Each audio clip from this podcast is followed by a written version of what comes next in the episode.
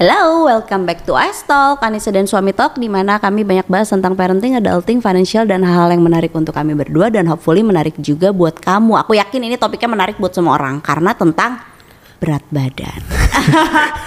Kayak semua orang pasti antara pengen kurus atau pengen gendut ya kan? Nambah berat badan ya. Antara underweight atau enggak overweight.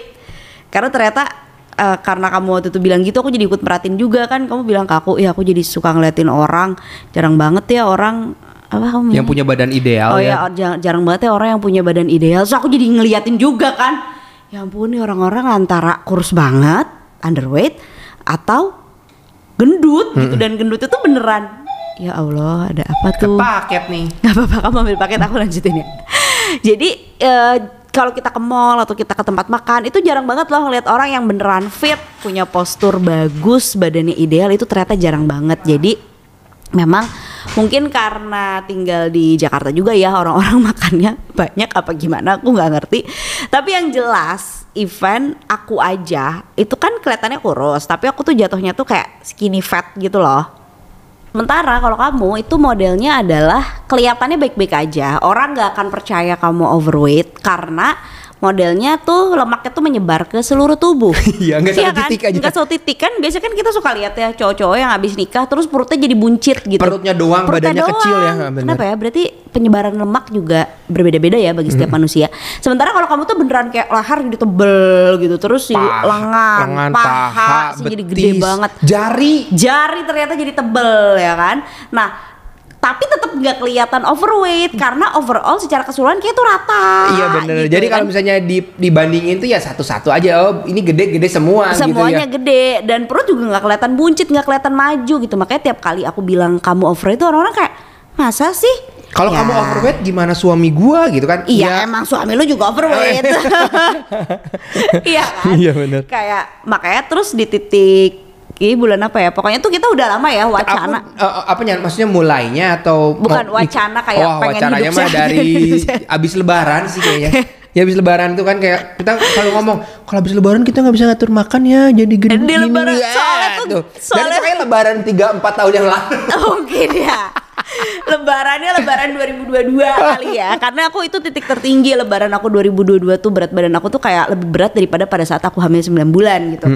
Cuman gak tahu kenapa nggak dilakuin-lakuin Emang belum ada triggernya kali ya Dan ini yang pengen aku bahas juga sih Dan aku emang belum sempat share juga Triggernya itu kayak yang aku udah pernah bilang Itu adalah ngeliat postingan orang-orang Iya kan Orang-orang kok hidupnya sehat ya Kok orang pada olahraga Kok orang ya? pada olahraga Sempet goyang tuh apa ya kepikiran tuh pas Dian Sastro tuh kayak Dian pertemanan ngapain? sehat. Oh, oke. Pertemanan Udah lama sehat. banget, itu lama banget tapi kan itu kan kayak orang tuh iya ya pertemanan sehat akhirnya mereka ada bercanda pertemanan tidak sehat gitu sambil Ya. makan apa gitu. Tapi di situ lumayan sih Dian Sastro membantu orang untuk aware tentang kesehatan ya. Bayangin itu Dian Sastro pertemanan saya tuh dia lari ya. Hmm. Abis dia lari tuh dia sempet eh, sepeda.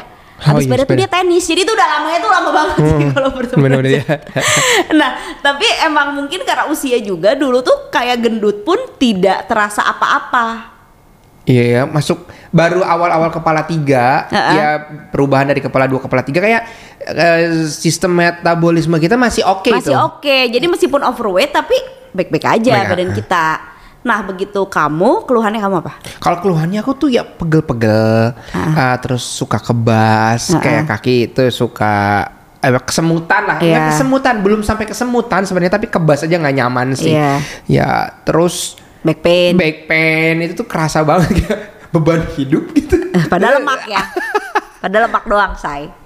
Iya, nah kalau aku itu aku asam lambung aku tuh gampang banget naik gitu loh. Dan ternyata kalau sekarang kita sudah telusuri kita tahu penyebabnya adalah tepung gitu ya. Oh iya, aku juga inflamasi itu. Gampang, iya, inflamasi. gampang banget aku jerawatan, tiba-tiba Iya. random di bagian tubuh mana tuh jerawatan, Ah, ah. bisa di paha gitu. Ah, Tapi jerawatnya bukan yang jerawatan muncul, tapi jerawatnya di bawah Mendem. kulit mendem gitu. Ah, ah.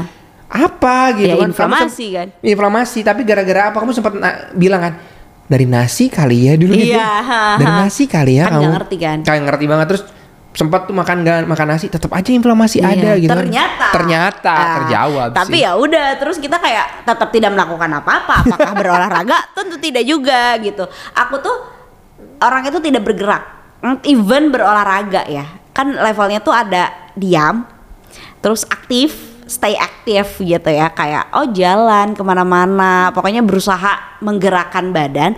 Abis itu baru yang orang yang emang gila exercise banget tipe-tipe yang kalau ngantor jam 8 itu jam 5 dia ke gym kan ada kan Ada, ada, orang kayak gitu kan. Bener-bener. jam 5 lari di GBK. Iya bener lari dulu temen aku juga ada tuh lari dulu sebelum nah masuk itu kerja. kan itu kan olahragawan gitu ya jatuhnya. Nah aku nggak usah jauh-jauh ke olahragawan deh. Aku aja di- aku tuh diam gitu. Bener-bener literally melangkah seribu aja tuh belum tentu apalagi waktu itu kan pandemi ya jadi memang sedentary banget gaya hidupnya Kayak dilihat aja kemarin kamu nunjukin data kamu, kan kamu pakai Apple Watch udah lumayan lama tuh. Ah, ah. Terus kamu nunjukin data kamu dari tiga tahun lalu 2019, 2019 sampai sekarang 2019 aja langkah kamu berapa biji sih? Langkah kamu rendah banget kalori yang kamu bakar rata-rata setahun itu rendah rendah banget ya. parah banget ya karena aku diem 90-an ya, 98 loh. ditambah uh, pandemi makin Oh, diem, diem iya. kayak punya treadmill tapi apakah dipakai secara konsisten tentu tidak gitu ya ya kalau lagi pengen-pengen aja gitu nah itu makin sini tuh makin berasa kalau buat aku gongnya yang bikin aku kayak nggak bisa nih aku harus tiap hari banget olahraga itu adalah aku sakit dua kali gara-gara jajan yang pertama Yang ke Bandung ya? Ya, yang pertama aku jajan apa aku lupa. Pokoknya aku itu jajan juga. Terus aku radang. Nggak logis dong jajan satu kali radang gitu ya. Terus yang kedua itu beli cimin. My whole life baru pertama kali aku jajan yang namanya cimin. Cireng mini atau apa ya? Aku nggak tahu ya. Cimin itu kan cimin itu kan makanan baru pas kita pindah dari Bandung ke Jakarta. Cimin itu belum ada kan? Kayak cilor aja belum ada. Hmm. Ya kan? Cilor, seblak, cimin itu makan-makanan yang usianya kurang dari 10 tahun gitu ya. Pas kita pindah dari Iya, bener. Bandung ke Jakarta itu belum ada. Cimin, cilor, seblak itu nggak ada kayak gitu-gitu. Seblak ada tapi mungkin nggak Nggak cuma nggak pakai itu. nggak orang jual secara jual Dan nggak pakai ceker ceker Ah, gitu iya, nggak. bener nggak. Cuman Cuman orang kerupuk tua kita bikin doang. di rumah, Ah, ah, ya, kerupuk bener-bener. rebus doang gitu. Belum yang dipakein bakso apa gitu segala macam pakai kepiting kalau zaman sekarang Oh, ya iya? kan ada. Wow, Nah, oke. Nah, terus aku makanlah si cimin ini dibeliin adik aku kan, jajan di Bandung. Sampai Jakarta itu sakitnya berat gak bisa bangun. Kayak wah kayaknya something wrong with me ya. Masa sih jajan jorok satu kali aja langsung jatuh sakit? Apakah sistem imunku separah itu gitu ya? Memang ternyata separah itu.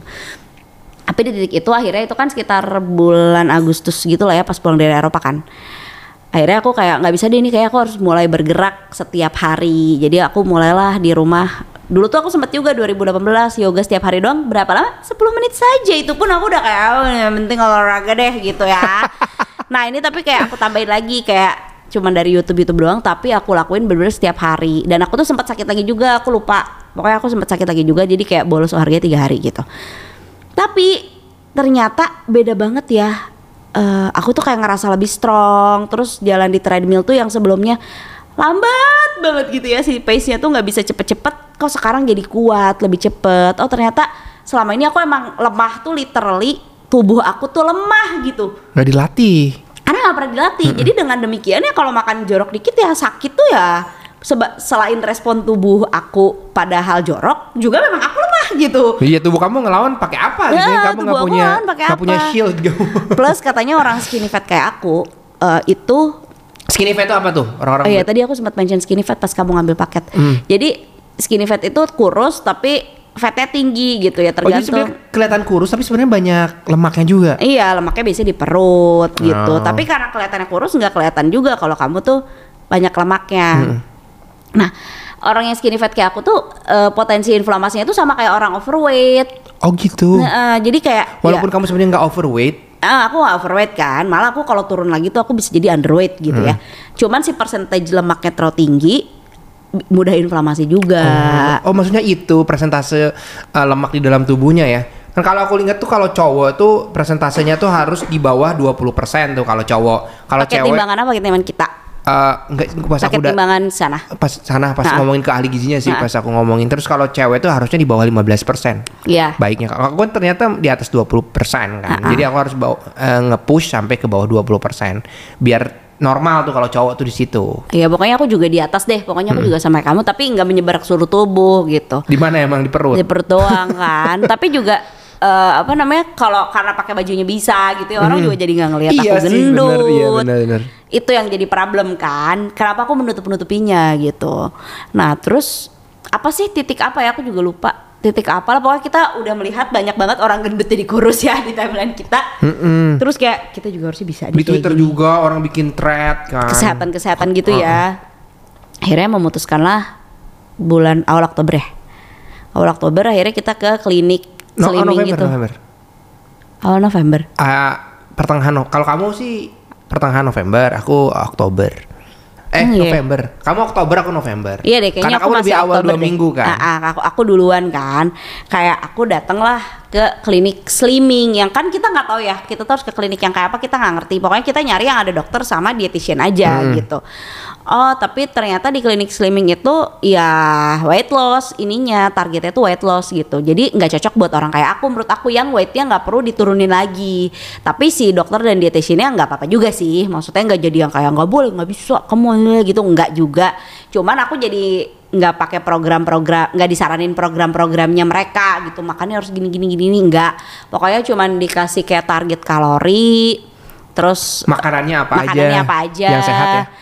Dan yang jelas nggak boleh makan gula tepung goreng, Itu aja. nasi Nasi, ya, karbo. ya karbo lah tapi terus aku kayak oh, oke gitu terus pas dicoba abis itu dua minggu kemudian kamu lah ke sana Hmm. kalau kamu memang harus weight loss bahkan dikasih target harus turun sekian gitu dalam berapa Tiga bulan. bulan. dalam tiga bulan. Jadi dikasih semuanya fase-fase segala macam. Nah by the way si klinik-klinik itu kan nawarin paket yang berjuta-juta itu ya. Biar lebih cepet. Nanti pakai alat ini pakai alat itu. Bisa sampai 7 juta 9 juta gitu.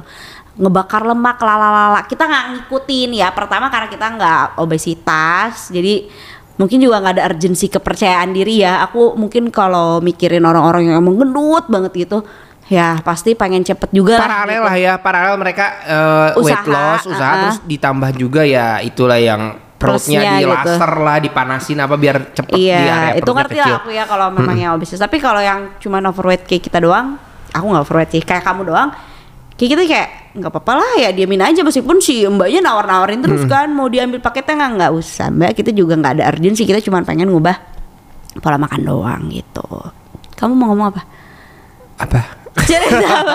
ya itu gu- ngubah banget ketika mulai mulai eh, pola makannya diubah itu. Itu awal awalnya tuh aku nggak bisa terima. Nah kayak kenapa sih? Kayak kenapa sih? Kenapa sih? Ah. gitu. Eh, masih belum bisa terima gitu. Kenapa sih harus gitu harus gitu? Tapi Ah. setelah me- menjalani waktu gitu ya kerasa kok enak badan enak. Iya. asli enak. Apalagi di minggu pertama aku turun lumayan Banyak. Hmm. banyak banget sekitar 2 kiloan aku. Seminggu turun 2 kilo pas aku nyoba plank lah kok plank gampang banget ya ringan ya jadi ringan jadi ringan gitu tubuh aku terus kelihatan banget kaki aku jari-jari Mengecil. mengecil kayak ya percaya diri meningkat Ah, ah. karena kelihatan bagus pakai baju tuh jadi kelihatan bagus sih Ah. Eh, terus juga eh, kayak kok aku pas olahraga gitu lari di treadmill kok aku lebih kuat ya akhirnya setelah beberapa waktu sekitar tiga mingguan aku oh, weight loss aku lari di luar kuat sebelumnya nggak kuat. Sebelumnya tuh lebih kayak kok berat badan aku sih? Iya. kuat sih tapi nggak bisa sejauh itu. Di pe- pe- apa pertama aku lari kok langsung kuat 7 kilo gitu. Kayak Hmm. wah efeknya gede banget. Dari situ berubah sih oh iya bener juga ya gitu yang disuruh makan ini makan itu. Yang awalnya aku kayak nggak bisa terima resist gitu. Ah, apaan sih apaan sih apa yang setelah eh, dapat manfaatnya. Setelah ada manfaatnya gitu kayak oh iya ya enak banget nih. Oh ini nyaman banget. Itu sih yang kalau udah ngerasain langsung tuh kayak jos. Iya tapi ternyata nggak makan nasi mah gampang kan kita tuh mikirnya kayak sebagai orang Sunda ya kan aduh nanti kalau kita nggak boleh makan nasi nanti aku nggak bisa makan cumi asin cocol sambel gitu ya Bener ya kayak kalau kalau cumi atau asin itu ya memang enaknya pakai nasi Iya gitu. kan, Masa cumi di- asin pakai bawang nasi? itu kan sambal bawang cumi asin mama kamu gitu. Pakai sambal, pakai lalap kayak aduh kayaknya nggak bisa gitu. Yang dibayangkan tuh adalah itu gitu. Nanti kita nggak bisa makan pagi sore, nanti kita nggak bisa makan nasi kapau gitu. Ternyata mudah ya, tidak makan nasi itu mudah. hal paling gampang dari keseluruhan diet ini. Bahkan bukan hanya nasi karbo ya berarti nggak makan kentang juga, nggak makan jagung juga ya. Iya. Itu ternyata awal-awal ya. itu paling mudah sih. kayak nggak pengen juga, nggak craving, nggak jadi ngebayangin makan padang. Ternyata melepaskan ketergantungan dari nasi itu gampang buat kita. Buat kita ya ini ya. Ya gula juga karena kita kan nggak terlalu gula ya. Kita bukan yang ka- kamu juga bukan yang ngopi gitu. Kalau beli kopi juga orang aku sesekali banget ya. Iya, itu jarang juga nggak kan. pakai gula juga Uh-uh. kan. Aku cuma kopi susu doang, nggak pakai gulanya, nggak nggak benar-benar nggak pakai gula pahit gitu. Nah jadi, Jadi- kalau ngelepasin gula tuh ya easy banget lah buat Bahkan kita. kita, kayak nggak pernah inget di rumah ada gula apa enggak gitu ya. Saking kayak nggak pernah bikin teh manis. Iya pasti gua gua ke sini mau masak ma- mana gula? Aduh, nggak ada gula. ya gitu kan kayak nggak juga gitu kan. Terus goreng-goreng juga kita nggak terlalu ya karena Hmm. setelah beli oven lumayan kita udah setahun nggak sih beli oven. Setelah punya oven dan ada air fryer itu juga apa apa kita panasinnya di oven air fryer oven air fryer. Goreng juga gampang ternyata melepaskan ketergantungan paling susah itu kalau buat aku adalah tepung. Iya tepung, tepung tuh susah banget ya. Eh, kenapa susah banget juga? Karena pas aku lihat jajanan kita misalnya pingin jajan nih, Jalan-jalan nih. jalan-jalan nih. Aku ini ini ini bukan di mall ya. Aku Iya. contohnya ini ada di pinggiran jalan. Ah, ah. Karena pas aku lari atau aku eh, sepedaan lah keliling-keliling, aku sambil merhatiin tuh di jalan. Nggak ada loh yang makanan atau jajanan yang nggak pakai tepung Dan gak digoreng. dan nggak digoreng. Itu nggak ada. Iya. Oke lah yang nggak digoreng ada. Cilok dong tapi. Cilok, eh, Siomay. siomay itu nggak digoreng. Tapi kan pakai tepung.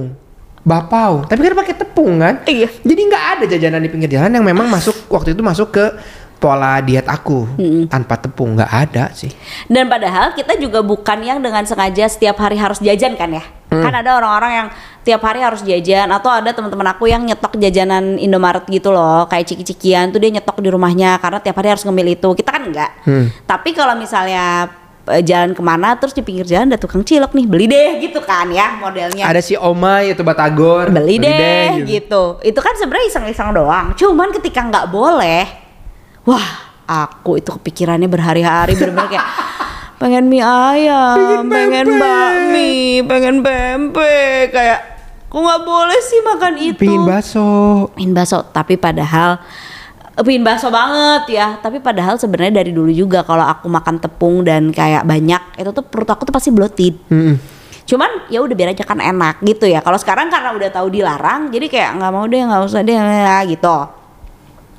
Terus pas kayak dua jalan dua minggu aku mulai ganti pola makan. Sebenarnya nggak pengen bilang diet, takut tuh takut kalau kita bilang diet, mindset itu kita sedang diet, berarti nanti boleh makan lagi gitu loh. Hmm. Eh jadi kayak aku membahasakan ke Silo juga mengganti pola makan kan. Begitu dua minggu jalan itu ke rumah teman aku kan, yoga kan. Terus eh, seminggu apa dua minggu gitu. Aku udah gak makan tepung sama sekali tuh. Eh dia beli mie ayam, bukan dia ding suaminya beli mie ayam. Dia tahu aku diet ya kan. Suaminya gue foodin mie ayam buat kita. Ya pengen lagi mie ayam. Terus tapi porsinya tuh bukan mie ayam heboh. Mie ayam di Jakarta tuh emang porsinya kecil-kecil ya. Kalau di Bandung tuh mie ayam tuh nggak sih yang mie-nya tuh gede-gede banget. Oh ya, wuh. Ya kan beda beda jenis mie-nya kan. Iya, iya. Di mangkok penuh. Di mangkoknya tuh sampai penuh. Oh. Ini tuh kan nggak kan cuma celeng gitu ya sedikit. Aduh mie ayam nih nggak apa-apa lah kita anggap aja kita cheating gitu satu hari. Makanlah mie Dari ayam. dua minggu tuh masa nggak Ha, cheating. Masa nggak cheating ya kan? Makanlah aku mie ayam, alhamdulillah sampai besoknya tuh ya bagian atas perut aku tuh jendul gitu loh, kayak Di atas udel. eh di atas udel. Oh berarti itu dekat ke di ulu hati ya? Kayak masih di lambung gak sih? lambung sih bener lambung kali.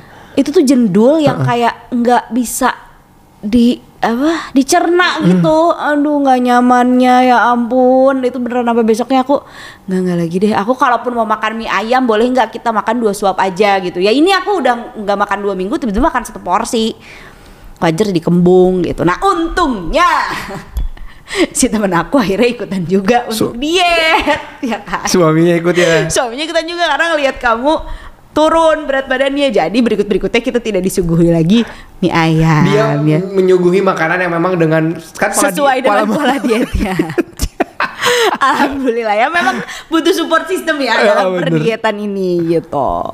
Nah kalau misalnya eh, orang kan nanya, berarti kalau udah ubah pola makan nggak makan tepung, badan kamu jadi itu dong, jadi jelek ya ternyata. Kok makan sedikit aja langsung kerasa Uh-uh. gitu. Sebenarnya bukan badannya jadi jelek, tapi alarmnya jadi lebih bagus badan kita. Jadi lebih responsif. Jadi lebih responsif. Ketika makanannya memang gak cocok dengan badan kamu, badan kamu tuh langsung respon lebih baik, lebih cepat. Iya. Nggak kayak ngumpul-ngumpul dulu gitu. Kalau waktu dulu kan makannya udah banyak baru kerasa tuh ya, aduh begah banget Ya, tuh. Itu terlambat gitu. Kalau Iya. sekarang makan satu porsi atau setengah porsi juga langsung kerasa. Contohnya aku nih, selama satu bulan ya aku nggak makan tepung bener-bener nggak makan. Kalau misalnya harus makan uh, yang tepung, ya usahain yang gluten free. Kamu nyediain rotinya gluten free buat aku kan. Kalau aku kan sebenarnya tuh nggak usah. Sebenarnya aku makan tepung juga boleh, tapi asal kalorinya di bawah gitu kan. Mm. Jadi aku masih beli si roti gluten free, cuman aku juga kayak batasin makannya dan aku ngitung kalori banget. Jadi ya berusaha nggak yang beneran tepungnya tuh cilok banget gitu ya. Iya benar. Terus kamu uh, belilah pempek ya, pempeknya pempek Mempek kampung lah. pempek kampung. Terus orang bilang ada tuh yang kalau pempek kan sebenarnya uh, gluten free karena dia Tapiokanya sedikit. tapioknya sedikit ya. Ah. Iya kalau itu yang mahal mungkin. Mungkin ya. Kebetulan kita belinya kemarin pempek yang murah ya. Ah, yang masih buka soalnya udah malam itu. Udah setengah malam. sembilan gak sih? Tiba-tiba kamu pengen pempek tuh ya setengah Ah. sembilan malam terus digoreng pula. Digorengnya di sana pula. Iya nggak tahu minyaknya seperti Ha-ha. apa. Apakah udah hitam atau masih uh, bening kita nggak Iya. tahu tuh. Aku makan tuh karena itu ya, pertama kalinya itu kamu pertama makan kalinya. tepung jorok. Tepung jorok dan digoreng ya. Ya. Besoknya langsung back pain. Ah. Jadi langsung punggung aku sakit apa uh, back pain aku Kambuh. uh, kambuh. Kaki aku pegel-pegel. terus bagian tangan sama kaki ada yang kayak kebas. Kebas lagi. Nah, terus kenapa sih itu terjadi gitu kata uh, aku. Terus aku googling ternyata itu sensitif terhadap uh, Gluten. gluten atau terhadap tepung. Jadi selama ini yang bikin aku jerawatan, bikin aku inflamasi itu mm, ternyata tepung gitu. Cuma aku baru menyadarinya setelah satu bulan nggak makan, pas langsung makan keluar. Oh iya. uh, ini gara-garanya Hmm. Iya. walaupun itu self diagnose tapi itu yang aku rasain badan langsung gitu ya triggernya langsung, itu langsung kerasa dan aku langsung batuk guys jadi kayak karena kita udah nggak makan goreng dan nggak makan tepung. Jadi itu kan si perkara pempek itu berarti udah sebulan lebih yang lalu lah ya. Dari situ aku kapok lagi aku nggak mau makan mie lagi gitu. Pokoknya aku nggak suka perut aku bloated sampai besoknya gitu. Cuma pokoknya kayak nggak nggak nyaman banget rasanya lalalala one day itu kayak dua hari lalu kayaknya aku nggak apa-apa deh makan pempek sekali. Kayaknya aku pengen banget pempek gitu. Dan mind you ya ini pempeknya bukan satu porsi loh kita. Iya. Kapal selam satu dibagi dibagi, dua. kulit yang kecil-kecil. kulitnya dua. Heeh. aku kulitnya satu. Jadi kayak bukan makan satu porsi cuman emang greasy. Dan pas makan juga aku kayak ini greasy sih tapi ya udahlah enak gitu dulu juga mungkin kita juga mikirnya kayak gitu ya cuman kita mengabaikan aja besoknya alhamdulillah langsung batuk shy dan eh, aku tuh gatal-gatal aku juga nggak tahu tapi gara-gara kamu bilang gitu ya mungkin juga ini gara-gara si tepung itu sih karena kulit aku tuh jadi kayak ruam-ruam alergi gitu loh Hmm. Kayak ng- ganggu banget eh, ke sistem Imun. kita. Kalau kemarin aku sempat ngobrol ya sama salah satu orang tuanya eh, murid eh temannya Silo lah. Ya dia memang lebih ke apa eh, alam, healthy healthy Iya. gitulah. Dia bilang nyeritain gimana eh, si tepung ini sembunyi di usus, usus kita usus kita. Nah di situ dia sembunyi di situ dan mengganggu untuk penyerapan makanan. Nah di situ malah jadi merusak kita ya jadinya leaky gut ya jadi bocor ususnya. Ya itu yang percaya percaya aja sih ini ya. Jadi menurut dia itu yang eh, sebenarnya bahayanya dari gluten ini sembunyi di bener-bener sembunyi gitu di usus kita mengganggu penyerapan. Jadi apa yang kita makan yang harusnya sehat penyerapan jadi kurang maksimal. Iya, sebenarnya kalau leaky gut tuh banyak banget ininya, banyak banget jurnalnya kok kalau tentang leaky gut dan semua orang punya sensitivity yang beda-beda. Kayak misalnya kamu sensitifnya sama gluten, misalnya ada orang juga yang sensitifnya sama hal-hal lain gitu. Jadi itu tuh namanya food sensitivity gitu kalau nggak salah.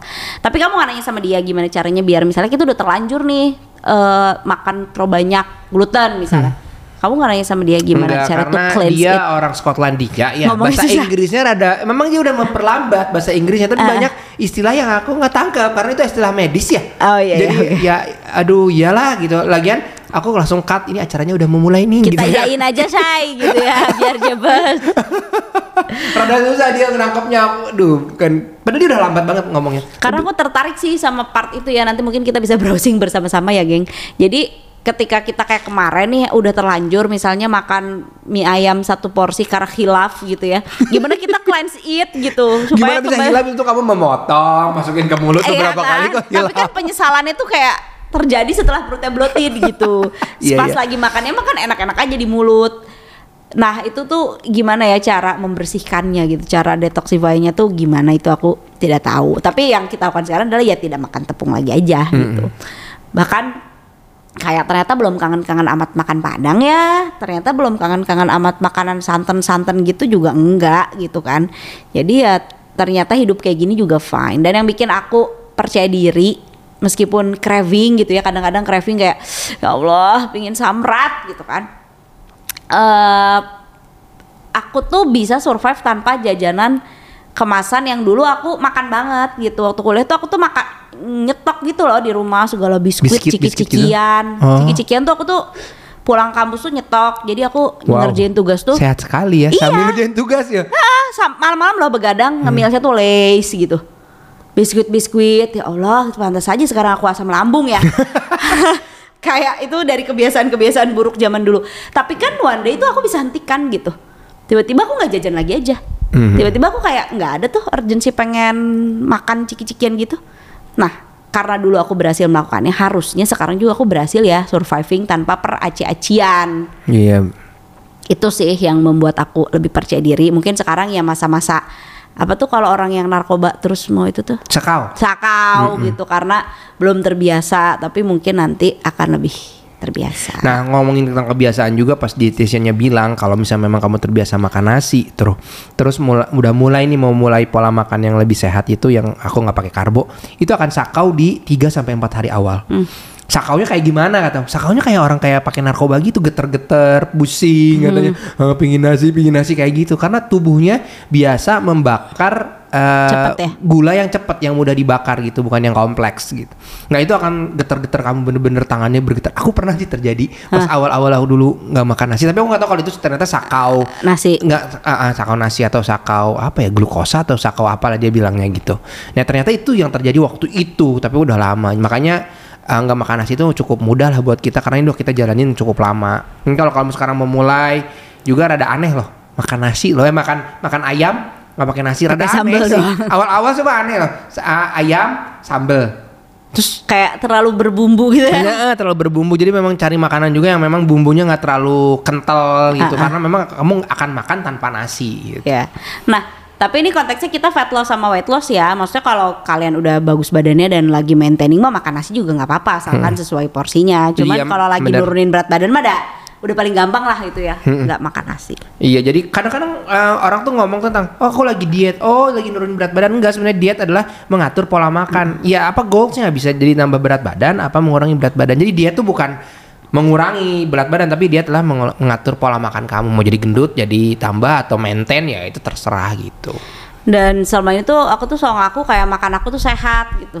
Mungkin bukan sehat tapi lebih sehat daripada Kebanyakan. kebanyakan orang yang kayak jajan atau enggak semuanya digoreng gitu. Emang gak gitu juga tapi secara hitungan kalori ternyata itu makan aku tetap banyak gitu. Hmm, Sebenarnya aku tidak butuh makanan sebanyak itu. Cuman kan aku tipe-tipe yang kalau di mulut enak ya udah kita makan lagi aja. Kalau kayak kalau kayak ibu aku ya ibu aku underweight sih. Ibu aku tuh kayak kalaupun masih enak di mulut tapi udah kenyang gitu. Kalau aku tuh kayak masih enak di mulut udah kenyang ya nggak apa-apa lah sedikit lagi bisa gitu soalnya enak kan kita modelnya kayak gitu Iya, kan bener. makanya nggak heran tuh kalau sampai kamu bisa overweight tapi selain itu ya goalsnya adalah lebih ini sih lebih kuat lahir batin gitu loh. Kayak oh tidur lebih nyenyak. Dari dulu juga aku tidur nyenyak sih ya. Cuman kayak kalau abis olahraga capek banget gitu ya yoga satu setengah jam malamnya tuh aku tidur tuh beneran kayak orang pingsan gitu. Itu tidurnya tuh enak banget. Habis itu juga jalan jadi kuat lebih jauh terus jadi keringetan. Ya kan? Dulu tuh aku nggak keringetan karena metabolisme buruk kali ya gitu Iya lagi diem aja tuh eh, badan nggak ngebakar kalori yang baik ya. Jadi Ah, kamu gampang kedinginan kan. Aduh dingin banget nih. Ya, kan aku enggak ya aku malah panas gitu Ah, ah. kan. Berarti emang kalau eh, aku apa sih istilahnya BFR atau apa sih? BMR. BMR ya bata, basal basal. metabolism rate Nah, jadi eh, tubuh tuh ngebakar kalori walaupun lagi diem itu tuh lebih tinggi gitu. Ya mungkin karena kamu suka berolahraga. Makanya suka olahraga Punya kadang-kadang otot. Kan aku nggak punya ya. otot. Kamu sekarang punya otot. aku punya otot Makanya orang-orang teman-teman aku yang berotot kok gampang banget keringetan ya. Ya mungkin itu berarti BMR-nya emang lumayan tinggi gitu. Ya, apalagi ya. Terus juga aku juga pengen mematahkan bilang gini, olahraga tuh jangan biar kurus, olahraga tuh biar sehat. Enggak apa-apa menurut aku biar kurus juga. Ya kan? Kayak ya udah kalau tujuannya dia pengen kurus, kan orang lain tuh bilang gini, olahraga tuh biar sehat, kurusnya bonus. Nggak apa-apa menurut aku kalau motivasinya olahraga biar kurus, sehat itu bonus. Nggak apa-apa, yang penting kamu olahraga dan Iya. yang penting kamu makan sehat. Motivasinya tuh nggak perlu kayak di Dimanis-manisin ah, gitu. dimanis-manisin gitu. Ya. Diromantisasi ya? Ah, diromantisasi. Kamu pengen kurus gak apa-apa emang kamu Hmm. pengen kurus kok gitu. Bonusnya kamu sehat itu juga tidak apa-apa. Karena berat banget ternyata kan olahraga itu. Aku tuh bener-bener menyeret diriku sendiri. Tiap hari. Nanti juga lama-lama dinikmati aja. Nggak nggak ada cerita dinikmati. Aku mah dijalani aja. Nggak nikmat orang aku nggak suka gitu Hmm. kan. Dan ini juga kebiasaan baru yang nggak pernah aku lakukan sebelumnya nggak ada nikmat nikmatnya capek-capek aja tapi ya udah nggak apa-apa dijalani aja gitu the part of adulting. Nah ngomongin kebiasaan itu juga dulu sempat tuh dibahas uh, aku pas kerja di kantor kan- pas kantoran terus kantor nge apa ya ngedatangin tamu. Ada salah satu dietitian juga. Orang kan penting banget tuh kita tubuh kita menyerap serat gitu kayak buah-buahan gitu sayuran. Terus orang kan pada berantem yo kalau makan buah tuh setelah makan makan buah sebelum Setelah makan, makan. iya. gitu ya jangan mikirin itu dulu makan buah dulu aja udah. Iya, iya, sehari iya. kamu uh, apa misalnya dua porsi buah untuk tubuh kamu udah penuhin itu aja. Eh, mau makan nah, nanti itu nantilah. Jadiin dulu kebiasaannya bahwa kamu makan buah tiap hari. Kalau nanti habis makan atau sebelum makan nanti kita bahas lagi. Yang penting kebiasaannya dulu jangan dibikin ribet dulu. Kalau di awalnya ribet malah orang kayak juga jadi mundur. Pasti ribet banget ya ternyata makan buah tuh harus diatur ini ya bla bla. Yang penting makan makan buah dulu. Buahnya apa dulu? Ya udah makan dulu aja Nanti udah kamu terbiasa makan buah, baru perhatiin yang lain-lainnya. Bikin yang mudahnya dulu, bikin habitnya dulu. Setelah punya habit, baru ada improvisasi. sama sayur juga nih ini juga aku juga gara-gara omongan teman aku tuh dia bilang gini kamu kan suka sayur kenapa nggak makan banyak aja sayurnya eh bener juga ya itu tuh kesadaran baru yang eh, sebelumnya aku mikir aku suka sayur aku tidak pernah mendefinisikan diriku sebagai orang tidak suka sayur Hmm. Tapi aku juga tidak pernah mendefinisikan diriku sebagai orang suka sayur ya kan orang tuh kayak either biasa aja atau nggak suka gitu tapi ketika dia bilang kayak gitu, kamu kan suka tinggal makan lebih banyak aja. Bener juga ya, aku kan suka tinggal aku makan lebih banyak aja gitu. Nah, mindset-mindset kayak gitu juga yang perlu kayak dipikirin ulang bahwa oh ya ya, buat orang yang suka kayak aku menambah porsi itu menjadi tidak masalah loh. Tidak susah, Kebayang iya orang yang bener. nggak suka gitu. Dari nggak suka buah harus dipaksa makan buah, kalau dia nggak suka sayur harus dipaksa makan sayur berat gitu. Itu sih mindset-mindset kayak gitu juga yang aku pelajari selama dua bulan ini. Mm-mm, Jadi uh, mindsetnya adalah uh, u- apa mulailah sesuatu hal yang baik nggak perlu langsung harus, harus sempurna gitu, tapi jalanin dulu bikin habit yang baru yang mudah-mudah dulu aja lah gitu. Jangan langsung yang susah banget yang harus sempurna harus berapa gram sehari ya nggak kayak gitu juga. Dan- makan dulu lah. Iya dan mindful juga apa yang kita makan gitu ya kayak kulit ayam gitu kan aku kayak kemarin-kemarin nggak apa-apa lah aku kan nggak gendut terus aku makan kulit ayam. Pas aku hitung wah Allah ternyata kulit ayam itu meskipun ayamnya udah dipanggang gitu ya udah nggak digoreng, digoreng, ya. ternyata kulit ayam itu fatnya tinggi banget bla ya udah aku lebih aware kulit ayamnya aku pinggirin gitu. Kayak gitu-gitu mengubah hal-hal kayak gitu yang ternyata nggak makan kulitnya juga nggak apa-apa kok enak-enak aja. Kalau emang makan ayamnya enak ya Hmm. si tanpa kulit juga baik-baik aja gitu Udah gitu aja kita udah 30 menit. Oke kita mau ke sekolah dulu. Mm-mm, ada yang harus di review Urus. harus diurus ke sekolahnya saya loh Oke kalau gitu aku JG Aku ST, bye. bye